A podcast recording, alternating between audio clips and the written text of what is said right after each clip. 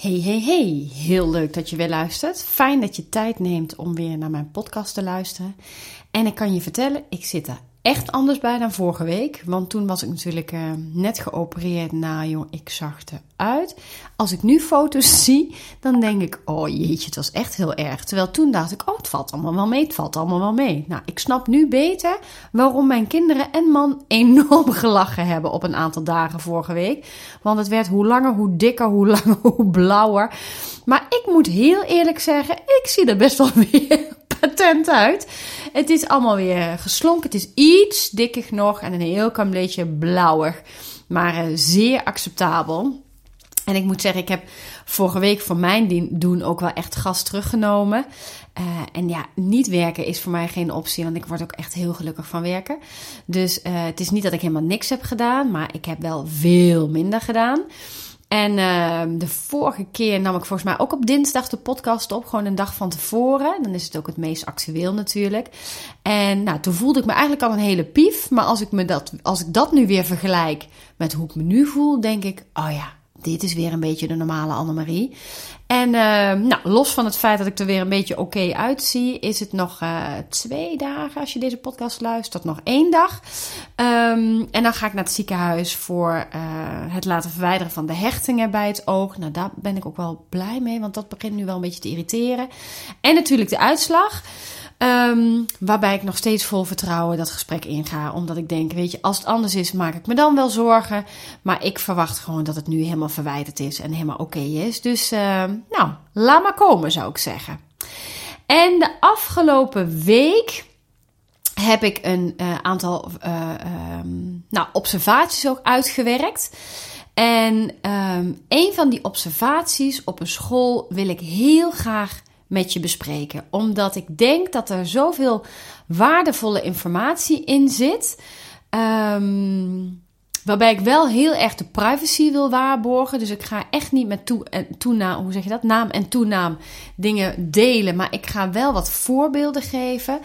Om um, dat ik denk dat het je als professional gaat helpen. Maar dat ik ook nieuwsgierig ben hoe je er als ouder naar luistert en of je de dingen van herkent, mogelijk hè, bij de klas van je kinderen. En zelfs in je eigen opvoeding. Want hè, zoals ik wel vaker zeg, opvoeden doen we allemaal. En het maakt dan eigenlijk niet eens zo heel veel uit of je professional bent, hè, dus leerkracht, pedagogisch medewerker in de opvang, of dat je um, ouder bent. Omdat um, alles heeft uiteindelijk raakvlakken met elkaar. En alles, um, in alles is een parallel te trekken hoe je dat doet. En ja, natuurlijk is je rol echt wel anders of jij de leerkracht van een kind bent of dat je de ouder van een kind bent. Dat ga ik echt niet ontkennen. Maar um, toch zitten er denk ik ook heel veel overeenkomsten in. En ik denk aan de hand van deze observatie dat dat um, nou, misschien wel duidelijker gaat worden. Waarom deze observatie? Omdat ik um, bij deze leerkracht in de klas was. Um, hij had, het is een hij overigens. Hij had mij benaderd omdat hij zei: Ik vind het gewoon een pittige groep. En ik heb best veel jaren ervaring. Uh, hij heeft ook een wat andere rol nog binnen die school. Waardoor ik het heel dapper en moedig en kwetsbaar vond om daar uh, hulp bij in te schakelen. En um, ik ging kijken en, nou, laat ik het even niet heel diplomatiek zeggen. Mijn bek viel open. En waarom? Omdat ik dacht: wow, hier is zoveel winst te behalen op hele kleine dingetjes. Dat ik me soms werkelijk afvroeg: maar zou hij dit doorhebben? Zou hij in de gaten hebben wat hij nou eigenlijk doet? En mijn antwoord of mijn conclusie was eigenlijk nee. En dat is niet vanuit totaal geen reflectievermogen, want daar geloof ik niet in. Ik geloof dat deze meneer prima in staat is om te reflecteren. Maar hij heeft het al zo lang op deze manier gedaan dat hij eigenlijk niet meer kritisch is naar zijn eigen leerkracht handelen. En um, dat maakt dan ook dat je een beetje op de automatische piloot voor die groep staat. En nou ja, dat weten we misschien allemaal. Op het moment dat je op de automatische piloot met kinderen wil omgaan, kom je altijd bedrogen uit. Want die doen namelijk precies wat jij dan niet wil. En nou, ik heb wat dingen uitgeschreven over deze observatie. Natuurlijk hè, in de eerste plaats om hem verder te helpen. En we gaan daar ook nog een gesprek over hebben. En zelfs misschien nog wel wat coaching. Um, maar de voorbeelden waren zo um, zinvol dat ik daar dus gewoon een podcast aan ga wijden. Nou, bij deze. Um, waar zal ik eens beginnen? Want ik heb het verslagje wel voor mijn neus, omdat ik dacht, sommige um, passages wil ik je even ja, min of meer voorlezen, omdat ik denk dat dat dan het duidelijkste maakt wat daar uh, gebeurt, maar ook waarvan ik denk dat er met een kleine verandering zoveel effect te behalen is. Nou, bijvoorbeeld, laat ik maar meteen aan de start van de observatie beginnen. Want terwijl ik binnenkom, is het eigenlijk muisstil. En zitten de kinderen heel goed zelfstandig te werken. Het is een combinatiegroep, dus dan is het altijd een beetje schakelen. Um, en dit zijn leerlingen ja, in de leeftijd 10-12. Laat ik het daar even op houden. 9, 12, 10, 12. Um, ik zie meteen bij binnenkomst dat er, ondanks dat het muisstil is en dat de kinderen over het algemeen heel erg gericht aan het werk zijn, dat ik één kind heel veel zie bewegen. Wip bewegen, moet ik zeggen. Heel beweeglijk is. Uh, wippen op zijn stoel, uh, de, de groenboek vooruitschuiven, de stoel opzij zetten, staan achter de stoel, uh, de groenboek dicht, groenboek open. Um, de leerkracht reageert hier niet op. Nou kun je denken, oh wat fijn dat dit genegeerd wordt hè, en dat, dat we er geen aandacht aan schenken, want in sommige gevallen kan dat heel helpend zijn. Maar hier zie ik een leerling die eigenlijk niet zo goed weet wat hij moet doen. En die um, in de stress raakt, geen hulp vraagt, maar daardoor ook heel fysiek wordt. Dus Um, daar waar je in sommige gevallen kunt zeggen, wat knap hè, dat er niet op gereageerd wordt en dat er geen aandacht aan geschonken wordt, denk ik in dit geval, dit kind heeft juist aandacht nodig, want hij kan niet uit de voeten met het werk. Dus er even heen gaan en de nabijheid bieden door alleen maar te vragen: Hey, lukt het? Weet je wat je moet doen? Of zal ik je even helpen? Dat heeft denk ik zo'n groot effect al dat zoiets kleins dus al heel waardevol kan zijn. Nou, vervolgens zie ik een leerling die een vinger opsteekt en uh, daar wordt niet meteen op gereageerd. De leerkracht is, is deels met instructie bezig. Um, wat je dan ziet is dat er ook weer ongewenst gedrag ontstaat, omdat deze leerling eigenlijk heel graag gezien wil worden. En op een gegeven moment zegt de leerkracht: hè, Je krijgt zo een beurt, ik heb je gezien. Supergoed. Hè, dit is een hele goede interventie, want daarmee weet een leerling: oké, ik ben gezien, er komt zo meteen een reactie en dan zie je vaak dat de rust wat wederkeert. Hoe sneller je dat kunt doen, hoe beter en hoe waardevoller dat natuurlijk is. Dus snel reageren, en ik zeg niet voor niks altijd onderwijs is topsport. Snel reageren is dus heel belangrijk om gedrag ook snel bij te kunnen sturen. Nou, vervolgens wordt er een kind geroepen, die mag even bij de leerkracht komen om ehm, samen een, een taak te doen. Zij is iets aan het pakken, dus haar naam wordt genoemd. Ze gaat iets pakken. En haar naam wordt eigenlijk meteen op een geïrriteerde manier weer genoemd. En toen dacht ik, oh, maar dit is interessant. Dus hij wil eigenlijk corrigeren door de naam te noemen. Maar zij is eigenlijk iets heel zinvols aan doen, namelijk haar pen, haar potlood en haar gum pakken, omdat ze niet precies weet wat ze nodig heeft. Dus in plaats van twee keer kort op elkaar haar naam noemen, kun je ook zeggen, um, nou, de naam. En als je volgens dus niet meteen reactie krijgt, hè, ik zie dat je iets aan het pakken bent. Wat ben je aan het doen? Want dan kan een kind gewoon uitleggen, nou ja, ik pak mijn pen, mijn gum en mijn potlood, want ik weet niet wat ik nodig heb. Waardoor je het heel ja, licht kan houden. En tegen een leerling kan zeggen: nee joh, je hebt alleen je potlood nodig, kom maar. Dan is het al klaar. En dan blijf je dus wat weg van die negativiteit. Nou, een ander mooi voorbeeld was. Ehm, en daar heb ik wel eens eerder wat over gezegd. Hè, welke middelen gebruik je in de groep om uh, gedragsverwachtingen uit te spreken. Nu was het me in deze groep eigenlijk, toen ik aan het kijken was, niet duidelijk. Mag je nu, hè, het was stil werken. Zelfstandig werken, maar mag er dan wel of niet overlegd worden? Mag er wel of niet gefluisterd worden? Dus door dat aan de voorkant goed aan te geven, ik kon ook nergens bijvoorbeeld een stemvolumekaart uh, zien, of ik zag nergens een stoplicht, of ik zag geen timetimer, of ik zag niet op het bord geschreven hè, van zelfstandig werken betekent dat we helemaal stil zijn. En daardoor um, zag ik dus dat er best wel kinderen aan het overleggen waren met elkaar, inhoudelijk, maar wel aan het praten waren. De ene fluistert wat zacht, meer zachtjes dan de ander. En um, bij het ene kind reageerde de leerkracht wel, hè, van, je moet stil zijn. En bij het andere kind liet hij het gebeuren. Dus dan wordt het voor kinderen ook onduidelijk, wat is nou precies de bedoeling? En nou ja, als kinderen ergens behoefte aan hebben, is de aan duidelijkheid. En nou ja, ik kan uit ervaring vertellen, niet alleen kinderen hebben behoefte aan duidelijkheid, ook volwassenen hebben behoefte aan duidelijkheid. Dus hoe meer jij aan de voorkant duidelijk kunt zijn over wat jij wil, hoe makkelijker het wordt om daar dus dan vervolgens ook je interventies op te doen of op te reageren. Dus dat vond ik ook wel een, een, uh, een mooie. En daarbij kwam dat dan als correctie bijna alleen, uh, de, eigenlijk bijna altijd alleen, zo moet ik hem zeggen, de naam genoemd werd. Dus hè, dan was het Pietje, Sam, Senna.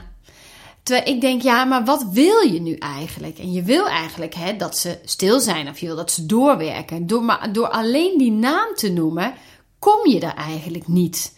En um, dan zou het heel helpen, heel, heel, heel, nou, ik heb een spraakgebrek vandaag zeg. Dan zou het heel helpend zijn om aan te geven wat je wil. Je mag best een naam noemen, maar um, geef dan ook aan wat je wil. Hè? Want alleen maar een naam noemen als correctie, daarvan kun je je afvragen: is dit nou zo effectief en helpend? Want uiteindelijk heeft dat op de lange termijn natuurlijk nul effect.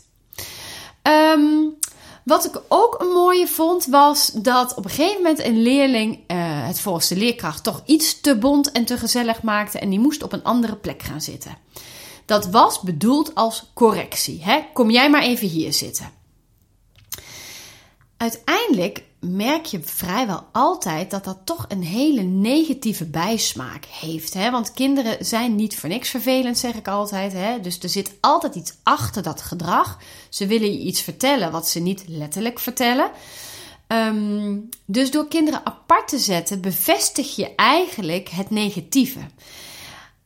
Het is nog steeds heel zinvol om soms kinderen even apart te zetten. Maar door daar een zinnetje aan toe te voegen, namelijk Um, ik wil dat je even hier komt zitten, want dat helpt jou om je werk goed af te maken. Of um, kom even bij mij zitten, want dan um, heb je niet zoveel last van de afleiding om je heen.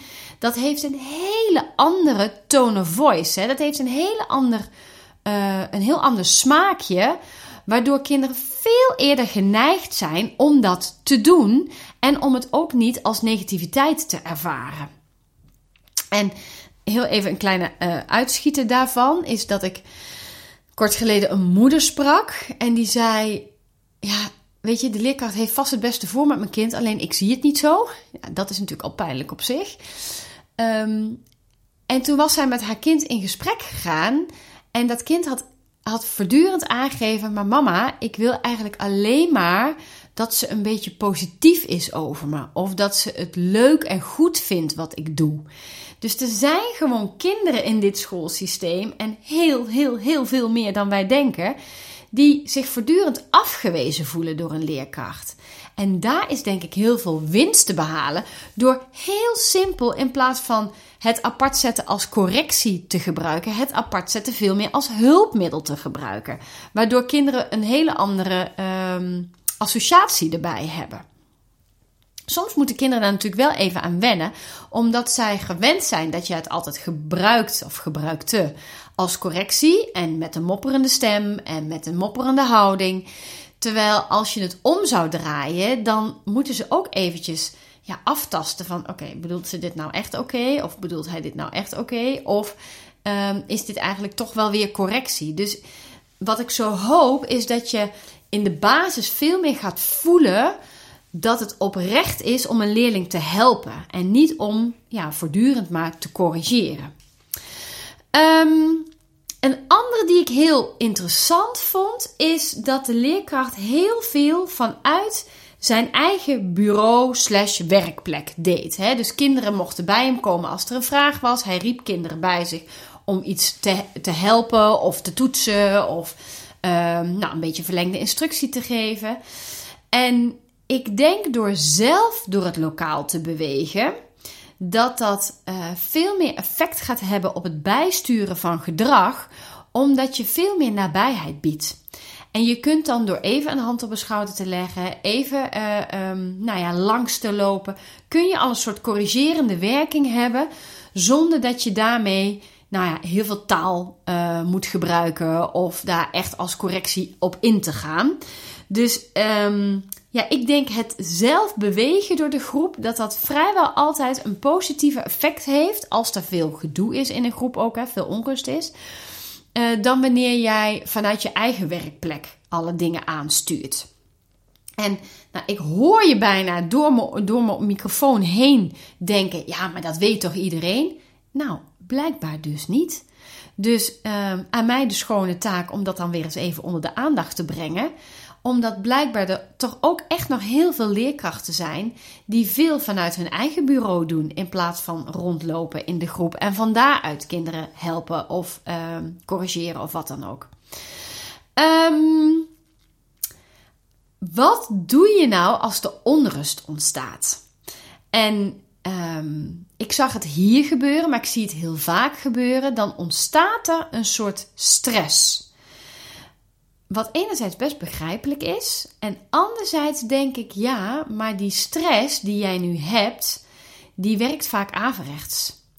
Dus op het moment dat er onrust ontstaat, dan kun jij vanuit controle, vanuit uh, regie proberen te reageren. Hè? Terug in je hok als het ware. Terwijl um, dan krijgt het iets ja, gemaakt, zou ik bijna willen zeggen. Of iets urgents, iets stressvols, waardoor kinderen over het algemeen eerder geneigd zijn om jouw stress over te nemen, dan wanneer jij vanuit een soort ontspanning weer teruggaat naar: oké, dit is hoe ik het wil hebben. En bij deze leerkracht was dat heel duidelijk. Dat zodra er ook maar een beetje lawaai kwam, of zodra een kind ook maar een beetje uit de pas liep, ontstond er een soort stress. Vanuit die stress ontstond een soort behoefte aan controle. Bijna een soort starheid in het aanspreken van de leerlingen. Um, en wat ik zag gebeuren is dat die leerlingen eigenlijk allemaal dachten: ja, prima dat jij hier nou weer staat te mopperen, maar ik ga toch niet reageren. Want ze zijn er bijna immuun voor geraakt. En dat is eigenlijk heel erg zonde en ook niet nodig, denk ik.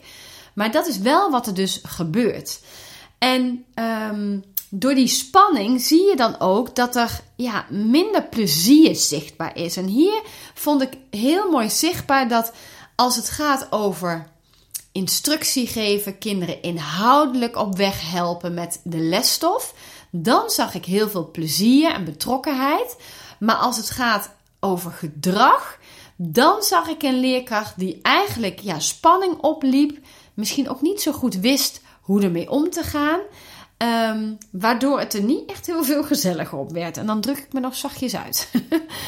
um, ik ga ook dingen noemen hè, die goed gingen. Want wat ik namelijk heel mooi vond, is dat er heel veel met muziek gedaan werd.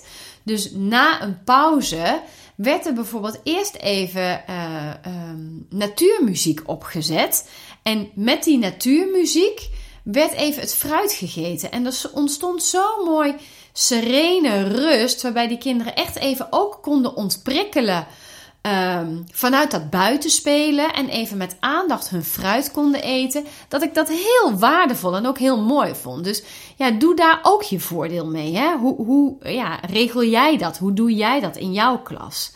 Er waren ook echt veel momenten dat leerlingen complimentjes kregen, dat er met krullen gewerkt werd, um, dat de groep als geheel aangesproken werd over hè, dit is hoe ik het wil, super fijn. Dus er was ook heel veel positiviteit. Nou, positiviteit weten we allemaal. Daar doen kinderen het goed op. En wederom, niet alleen kinderen doen het goed op positiviteit, wij doen het ook goed op positiviteit. Dus zorgen dat er een soort prettige vibe hangt. Um, en dat was heel mooi met een situatie weer vandaag. Dat ging, was in een andere school, andere klas. En die kinderen, daarmee was ik eigenlijk aan, aan het uiteenzetten van wat is nou gedrag wat we graag willen zien van iedereen, waardoor er een fijne groepsfeer ontstaat. En wat is gedrag wat we niet zo prettig vinden? Nou, en dan wordt het natuurlijk heel vaak genoemd: we doen elkaar geen pijn, we zijn niet brutaal, we letten op. En toen zei de leerkracht heel erg mooi. Um, nou, wat niet bijdraagt aan een fijne sfeer is mopperen. En toen vroeg ik dus, maar bedoel je mopperen van de kinderen of mopperen van jezelf? En toen gaf hij aan, waar de kinderen bij waren, nee, ik bedoel het mopperen van mezelf. Soms mopper ik uit een soort van stressreactie, terwijl eigenlijk helpt het mopperen dan helemaal niet.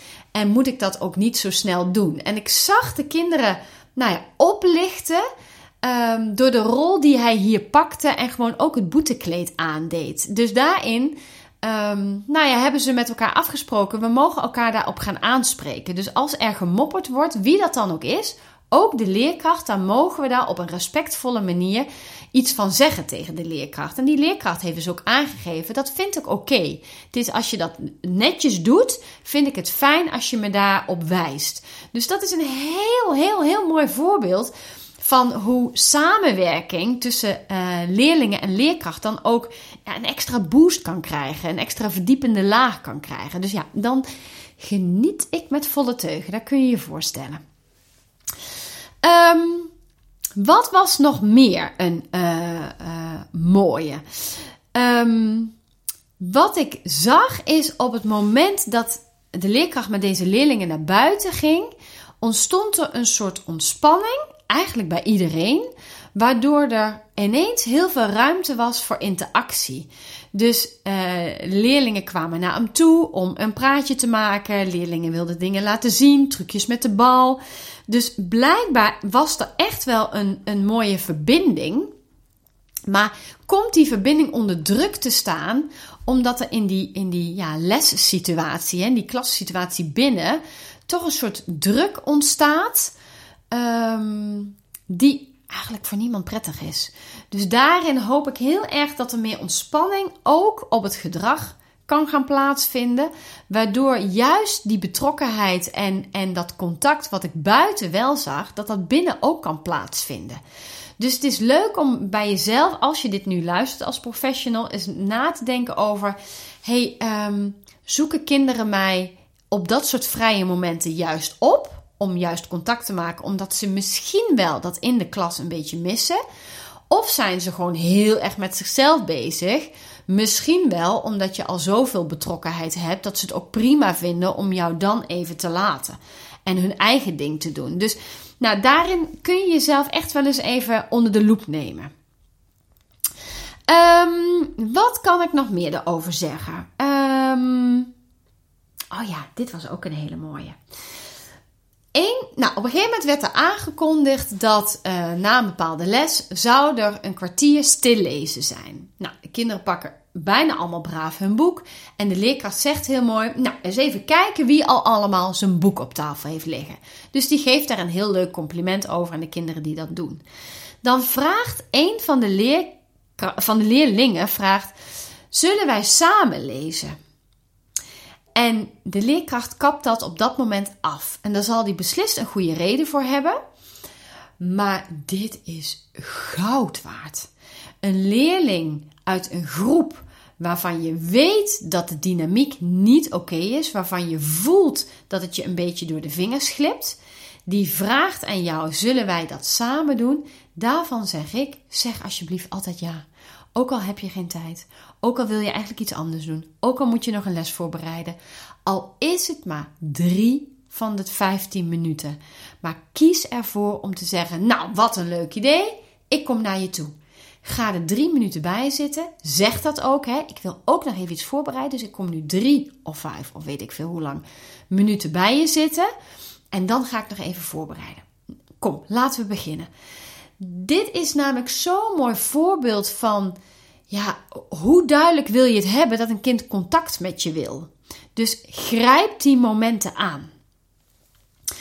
Eentje die ik ook graag met je wil delen was dat um, kinderen best wel um, regelmatig waarom niet vragen stelden. En eigenlijk altijd nadat ze een negatief antwoord hadden gekregen op iets dat ze wilden. Hè? Dus uh, mag ik in het computerlokaal werken? Mogen wij samen de sommen maken? Uh, kan ik nu vast uh, dit en dit gaan doen? En nou, heel vaak was het, of eigenlijk altijd was het antwoord nee. Waardoor kinderen vervolgens vroegen waarom niet. En wat ik deze leerkracht terug heb gegeven zijn eigenlijk twee dingen. Enerzijds, geef meteen een beetje uitleg over waarom iets niet mag. Hè? Dus mogen wij in het computerlokaal werken?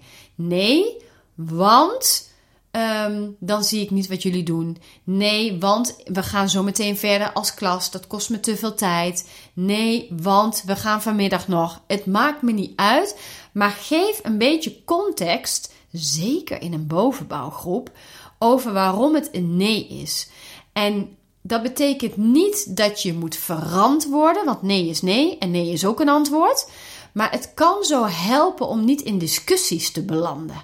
Want dan weet een kind waarom het nee is. Dan kan die nog steeds een weerwoord geven. Maar dan kun jij zeggen, en volgens mij was ik heel duidelijk. En het andere deel daarvan is, ehm, als jij jezelf vaak nee hoort zeggen, denk ik dat het goed is om uh, jezelf de vraag te stellen: is het nou wel allemaal een nee waard? Omdat als je soms ook wel uh, bevestigend kunt antwoorden op iets wat ze willen, um, dan um, zie je dat kinderen eigenlijk hun betrokkenheid, hun motivatie, eigenaarschap allemaal gaan vergroten. Uh, omdat ze weten dat er soms wel een ja komt. En je mee kan in hun zienswijze, in hun gedachtegoed. En je zult dan merken dat op andere momenten kinderen een nee dan ook makkelijker accepteren. Omdat ze ook weten dat er best heel regelmatig een ja is. En ik denk dat dit ook een hele, hele mooie is voor een thuissituatie. Hè? Dat um, als je altijd overal maar nee op zegt en je krijgt daar discussies over, leg het even uit en stel jezelf de vraag: vind ik het nou zo belangrijk dat dit allemaal niet mag? Of wat mag er wel? En als je veel meer kan kijken naar wat mag er wel. Dus nee, jullie kunnen niet in het computerlokaal, maar je mag van mij wel even in de klas deze opdracht samen doen. Dan sluit je veel meer aan bij hun behoeftes. Um, en dat wil niet zeggen dat het dan altijd perfect loopt, hè? want heel veel kinderen willen dat ook voor de gezelligheid. Maar dat is ook oké. En als, als je dat een kans geeft en vervolgens ziet het werkt niet, dan kun je heel mooi reflecteren op: hey, dit is wat jullie wilden, maar dan verwacht ik wel dit en dit gedrag van je. En als ik dat gedrag zie, dan lukt het niet en dan ga ik jullie weer uit elkaar halen. Dus je hebt nu een keuze. Waardoor je veel meer op motivatie en inzet en inzicht gaat zitten, in plaats van bij voorbaat al alles afkappen. Um, nou zo zijn er nog veel meer um, dingen zinvol uh, um, om te delen. Maar de allerlaatste die ik hierover wil delen is. Um, en die vraag heb ik ook gesteld. Hoe belangrijk vind jij gehoorzaamheid? En dit is een gevaarlijke, want tot op zekere hoogte is gehoorzaamheid natuurlijk super belangrijk. Wij zijn volwassenen en zelfs professionals in bepaalde gevallen en zij zijn de kinderen. Maar op het moment dat jij heel veel nadruk legt op gehoorzamen, dan zie je dat er een soort starheid in je handelen kan ontstaan, waardoor eigenlijk het ongewenste gedrag veel meer naar de oppervlakte komt. Terwijl als je er veel meer um, luchtigheid in brengt, veel meer vanuit verbinding en contact gaat zoeken naar: hey, hoe kunnen we ervoor zorgen hè, dat jij gaat doen wat ik wil, maar ook een beetje andersom, dan zul je zien dat eigenlijk het daadwerkelijk gehoorzamen veel makkelijker verloopt. Dus niet zozeer vanuit die hiërarchie, maar veel meer vanuit oprechte betrokkenheid. En um, nou, ik vond een mooi voorbeeld dat ik hier met een vriendin was. En nou, er waren een aantal dingen die, die vroeg ik aan de kinderen. En eigenlijk kreeg ik hier thuis op heel veel dingen. Ja, kom eraan, ik kom je zo helpen. Uh, um, waardoor zij heel erg ja, meebewogen met wat ik van ze vroeg. En toen zei die vriendin, nou, ik had, bij mij krijgen ze al tien keer een nee. Krijg ik al tien keer een nee? Nee, kom niet. En uh, hoezo moet ik dat doen? Nou, dat hoezo hoor ik hier ook nog wel eens. Maar over het algemeen, als ik iets vraag, doen ze dat. Maar dat geldt ook andersom. Dus als zij iets van mij willen, of als zij iets voor elkaar willen krijgen wat, wat, uh, wat voor hun belangrijk is, dan probeer ik altijd, uh, als ik de neiging heb om al bijvoorbeeld nee te zeggen, altijd mezelf de vraag te stellen: ja, hoe belangrijk is dit dat het dit nee is, of kan het ook een ja zijn? Of kunnen we een win-win situatie creëren? Nou, bijna nooit denk ik: dit is een harde nee. Er zijn gewoon niet zoveel situaties waarvan ik denk: nou, nee, dat gaan we echt niet doen. Of uh, het kan wel zijn dat ik zeg: nou, dat is nu niet handig, maar dat kan wel dan en dan. Waardoor je veel meer um, ja, verbinding creëert en je dus voor elkaar dingen wil doen. En nou ja, dat zou ik eigenlijk als conclusie deze leerkracht het allermeeste gunnen. Is dat er vanuit verbinding weer, um, ja, verbinding en betrokkenheid, die hoort er eigenlijk wel bij, weer aan het werk gegaan wordt. En dan bedoel ik eigenlijk alle partijen. Dus deze leerkracht mag veel meer lichtheid, luchtigheid en betrokkenheid gaan tonen. Maar ik denk dat dat er dus voor gaat zorgen dat deze leerlingen ook dit terug gaan uh, spiegelen, als het ware. Hè? Omdat hij iets geeft wat zij nodig hebben, krijgt hij ook iets terug wat hij nodig heeft. En nou, ik hoop dus heel erg dat ik nog een keer eh, een sessie um, nou ja, met hem kan oppakken. Ik verwacht dat eerlijk gezegd wel. Waarin ik hem wat verder kan helpen en waarin we gewoon echt ja, coaching op de vloer gaan doen. Hè? Want ik denk, wat ik aan het begin zei, dat er heel veel situaties waren waarin hij eigenlijk helemaal niet in de gaten heeft wat hij doet. En op het moment dat ik hem daar bewust van kan maken, door even te zeggen, hè, wat zou er gebeuren als je nu rond gaat lopen? Of ga eens rondlopen en ga eens kijken wie het goed doet en ga daar eens aandacht aan besteden. Dan kan hij meteen gaan ervaren welk effect dat heeft hè, op zijn handelen, op zijn stemming, maar ook op uh, de stemming en het handelen en het gedrag van de kinderen. Dus nou, daar kijk ik heel erg naar uit. En als dat gaat plaatsvinden, ga ik je daar zeker nog iets over vertellen. Dus, uh, nou ja, hè, samenvattend uh, uh, kunnen we eigenlijk zeggen dat er heel veel dingen waren waarvan ik dacht: ah ja, ja, ja, ja, ja, ja hier sla je de, de, de plank echt helemaal mis. Um, maar ik had daar geen oordeel over in de zin van ja, je snapt toch wel dat? Of het is toch idioot dat je nu zus of zo doet? Nee, want ik denk namelijk dat het niet bewust is. En dat het hem dus zit in een stukje bewustwording, uh, reflectie. En dat deze leerkracht heel blij is met deze tips en tools. Dat ook ja, eigenlijk meteen in de praktijk zal gaan brengen, omdat hij daartoe zeker in staat is. Ja, en dan denk ik, oh, hoe fijn dat ik dat mag doen. En die, die dankbaarheid, die, die, die groeit echt werkelijk met de dag. Weet je, ik kan zulke toffe dingen doen. Ik word zo blij van leerkrachten die ik dan weer in hun kracht zet. En als ik dan ja, hè, een tweede of een derde of een vierde of een vijfde keer kom, denk ik, jeetje, wat een groei.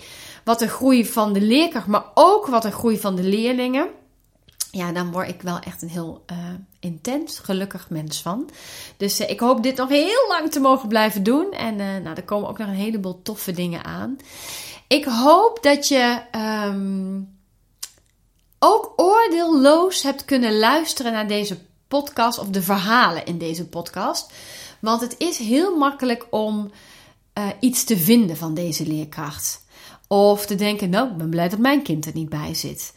En dat snap ik enerzijds. En anderzijds denk ik, maar pot voor drie dubbeltjes. Iedere leerkracht probeert echt zijn stinkende best te doen.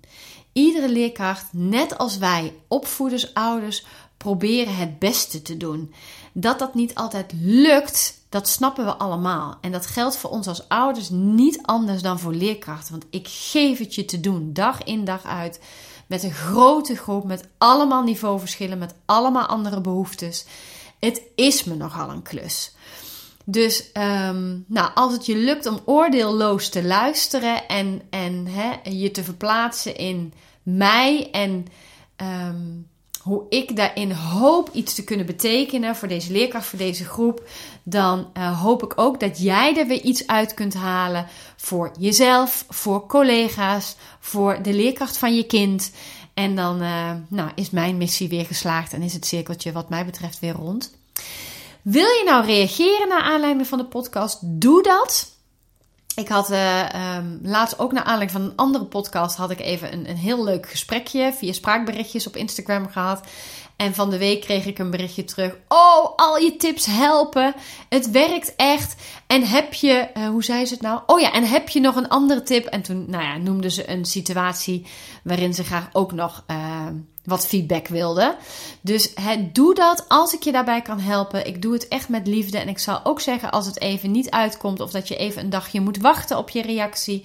Maar um, nou, volgens mij um, krijgt nooit iemand geen reactie. Ik probeer daar echt heel zorgvuldig in te zijn. Dus voel je vrij om dat te doen. Ik wens jou een hele fijne ochtend, middag, avond of zelfs nacht. En ik spreek je heel snel weer. Tot dan. Doei doeg!